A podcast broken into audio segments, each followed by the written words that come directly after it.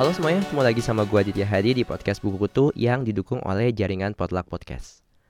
Buat kalian yang baru dengerin podcast ini untuk pertama kalinya, podcast Buku Kutu adalah sebuah podcast yang membahas tentang berbagai hal menarik dari dunia literasi, biasanya berupa review buku, obrolan dengan penulis atau penerbit, serta hal-hal lain yang seru untuk dibincangkan di dunia buku. Kalau kalian gak mau ketinggalan informasi terbaru dari dunia buku, langsung aja follow akun Instagram gue, at podcastbukutu, dan akun Twitter gue di podcastbuku. Podcast ini bisa kalian nikmati di berbagai platform podcast favorit kalian seperti Spotify, Apple Podcast, Google Podcast, dan sekarang kalian juga bisa menikmati podcast buku kutu ini di YouTube. Caranya langsung aja buka kanal Potluck Podcast, PODLUCK Podcast, dan cari konten-konten yang ada judulnya Buku Kutu. Di episode kali ini gue mau membahas tentang sebuah buku non-fiksi asal Indonesia yang berjudul Loving the Wounded Soul, alasan dan tujuan depresi hadir di hidup manusia karya Regis Mahdi. Mungkin banyak yang bingung karena judulnya kok pakai bahasa Inggris dan nama pengarangnya kok kayak orang bule. Tapi enggak, ini buku karangan penulis Indonesia. Regis Mahdi ini orang Indonesia dan buku Loving the Wounded Soul ini juga ditulis dalam bahasa Indonesia.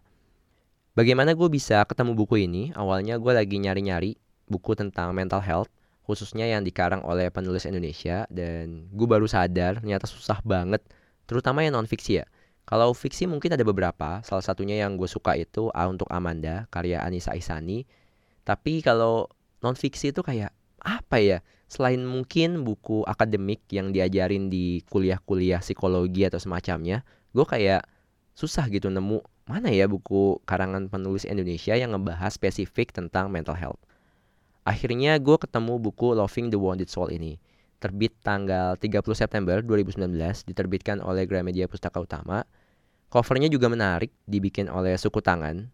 Dan ceritanya ada ilustrasi di covernya itu, ada ilustrasi 10 orang, lelaki dan perempuan, bentuknya macam-macam, diberi warna yang beragam pula, tapi semuanya sama-sama apa ya antara nggak punya mata atau matanya terpejam gitu. Jadi wah ini menarik banget sih, mengundang banget gitu buat kita baca buku ini.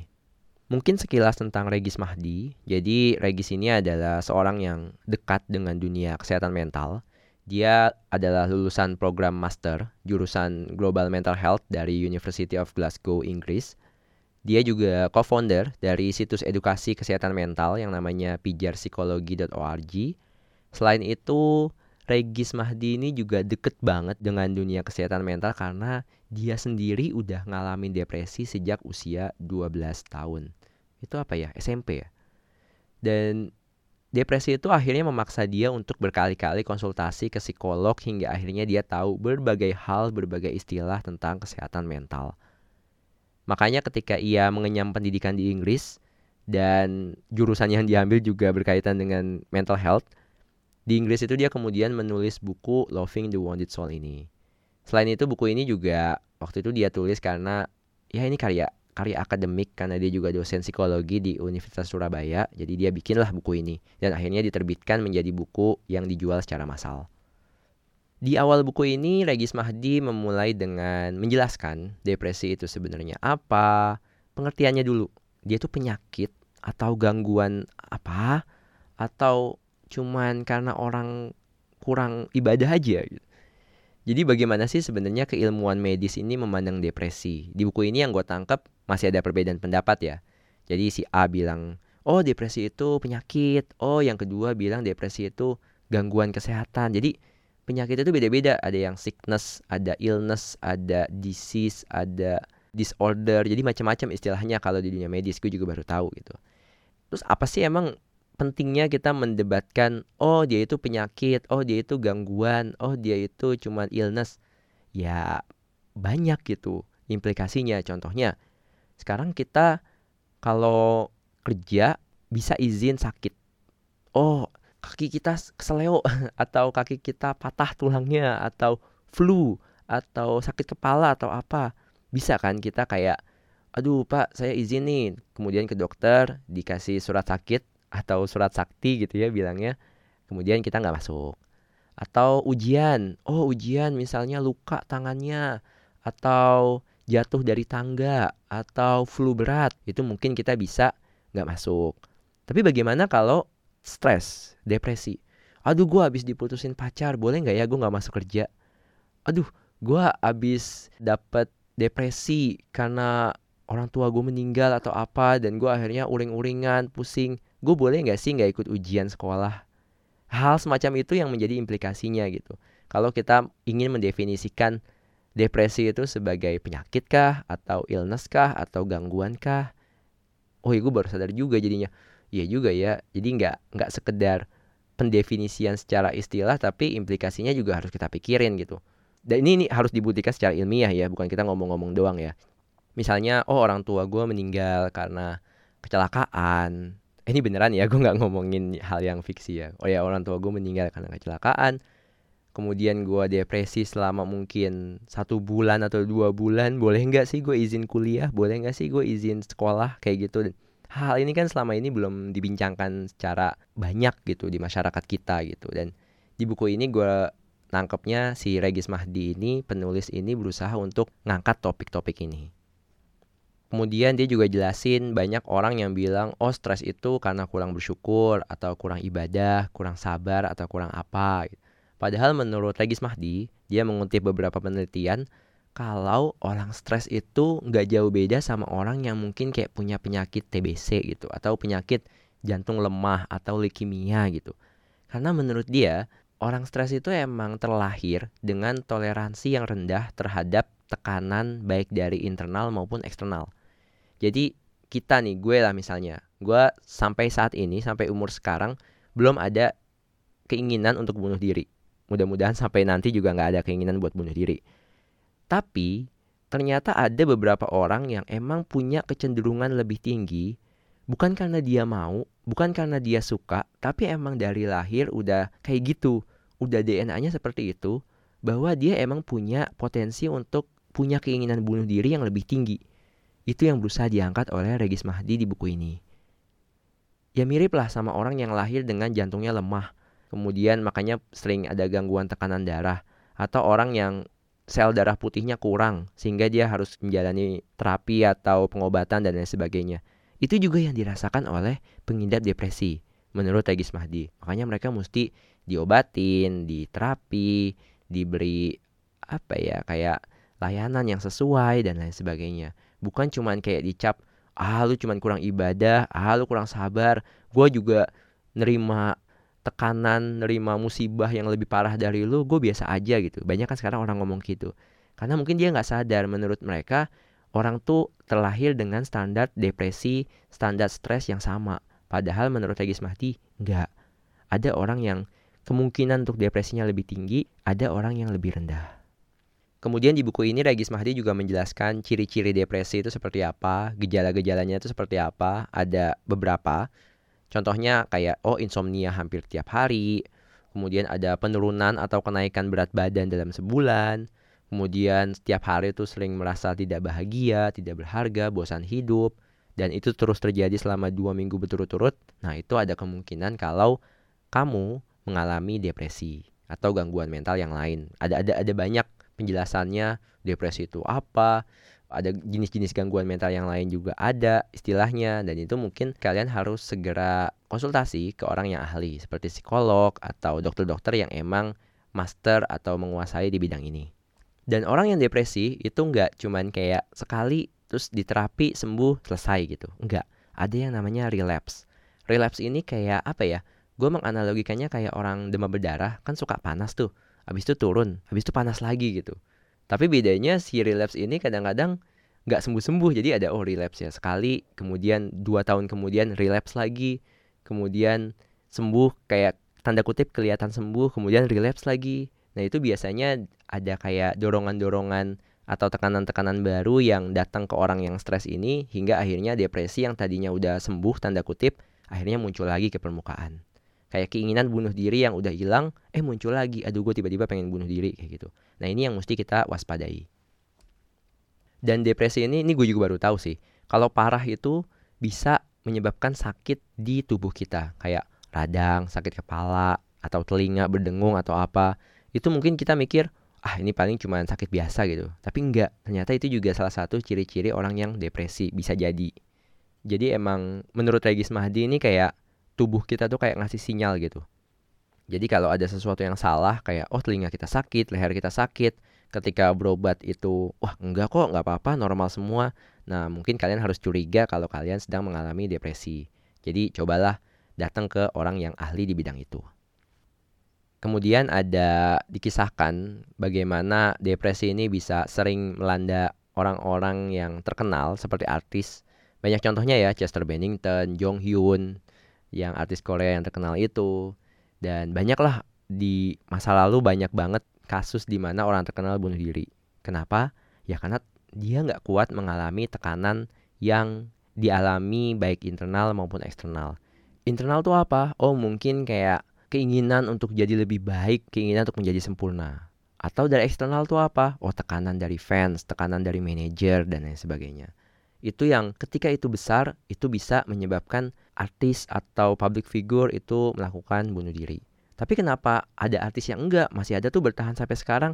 Ya mungkin seperti yang gue bilang tadi, ada orang yang punya kecenderungan lebih tinggi terhadap depresi, tapi ada juga yang lebih rendah. Jadi emang orang nggak terlahir dengan standar depresi yang sama.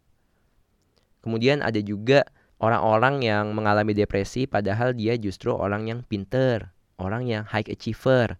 Kenapa? Karena orang tersebut biasanya, wah gue pengen terus sempurna, gue pengen terus mencapai hal yang lebih baik. Gue nggak pengen turun sedikit pun karena gue pengen terus menjadi seseorang yang di atas gitu. Tekanan-tekanan itu yang menyebabkan orang-orang yang high achiever itu juga punya kecenderungan yang tinggi untuk mengalami depresi. Kemudian walaupun kita ngomongin oh cewek itu biasanya lebih mementingkan feeling, cowok itu lebih jantan, lebih kuat dan lain sebagainya. Tapi justru sebaliknya karena ada tekanan lagi-lagi, ada tekanan seperti itu bahwa cowok itu harus kuat, cowok itu nggak boleh nangis, cowok itu harus nggak boleh ngeluh dan lain sebagainya. Kadang-kadang bukan kadang-kadang ya faktanya pria itu lebih banyak bunuh diri loh daripada perempuan. Jadi gue dan para pria yang lain juga mesti waspada. Di buku ini Regis Mahdi juga menjelaskan tadi yang udah gue sebutin faktor internal dan faktor eksternal. Dari faktor internal tuh bukan cuma keinginan untuk menjadi lebih baik, tapi juga ada kayak oh pencernaan lo mungkin terganggu atau apa yang itu bisa meningkatkan kemungkinan untuk depresi. Dari eksternal, oh ada budaya-budaya barat yang kemudian muncul, teknologi yang berkembang, kayak contoh lah Instagram gitu. Sekarang orang ngeliat Instagram, ih kok orang itu lebih baik ya, kok orang itu lebih cantik ya, kok orang itu lebih kaya ya, kok orang itu sering banget jalan-jalan ya, sementara gue enggak gitu. Kayak, wah gue iri ah dengan dia gitu, jadinya depresi gitu. Ada faktor-faktor itu yang bisa meningkatkan kemungkinan depresi di diri kita, jadi kita mesti waspada. Satu hal yang menarik banget buat gue adalah agama. Hmm, banyak orang yang bilang, oh orang depresi itu karena kurang sholat, oh kurang ibadah, kurang ke gereja dan lain sebagainya balik lagi ke pemaparan di awal kalau setiap orang tuh lahir dengan standar untuk mengalami depresi yang berbeda. Ada orang yang cenderung tinggi kemungkinannya untuk depresi, ada juga yang lebih rendah. Dan di saat yang sama, ada orang yang bisa terbantu, depresinya mungkin bisa ditekan, stresnya mungkin bisa ditekan dengan bantuan agama, dengan bantuan pendeta, dengan bantuan ustadz dengan bantuan mendekatkan diri pada Tuhan, dengan sholat, dengan rajin ke gereja dan lain sebagainya. Tapi di sisi lain ada juga orang yang dikasih apa pun gak akan mempan atau tanda kutip mungkin toleransinya sedikit beda gitu. Karena dia mungkin bisa dibantunya dengan teman yang terus ada di samping dia, keluarga yang ada di samping dia, tanpa perlu sholat, tanpa perlu ke gereja dan lain sebagainya. Jadi agama itu emang bisa menolong untuk sebagian orang, tapi mungkin buat orang lain nggak bisa. Jadi emang nggak bisa disamaratain, oh semua orang yang depresi, semua orang yang stres itu ketika sholat, ketika kena air wudhu sembuh gitu.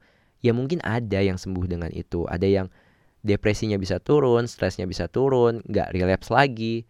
Tapi ya ada juga beberapa orang yang udah sholat berkali-kali, udah berusaha khusyuk sekuat tenaga, tapi tetap aja mengalami depresi atau bahkan lebih parah gitu. Nah ini yang mungkin harus dipahami.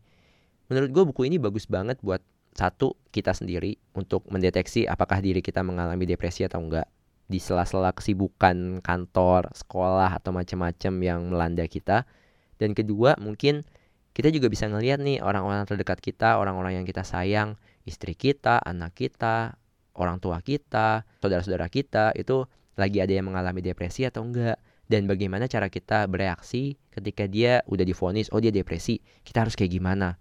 Jangan tiba-tiba oh dia omong orang yang susah dibantu dengan agama kita suruh sholat nggak sembuh-sembuh ya susah juga gitu. Itu sih yang menurut gue apa yang bisa dipetik dari buku Loving the Wounded Soul ini Ya, selanjutnya gue akan bahas review gue terhadap buku Loving the Wounded Soul ini di segmen kedua.